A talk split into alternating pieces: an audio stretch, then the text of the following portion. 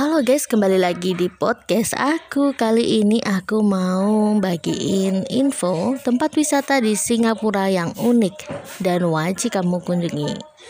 Pertama ada Merlion Park, Mermaid and Lion. Patung Merlion berada di satu Fulota Road, Singapura. Tempat wisata Merlion Park yaitu sebuah taman publik yang bisa diakses oleh siapa pun kamu bisa mengakses Merlion Park dari stasiun MRT yang terdekat dari lokasi itu.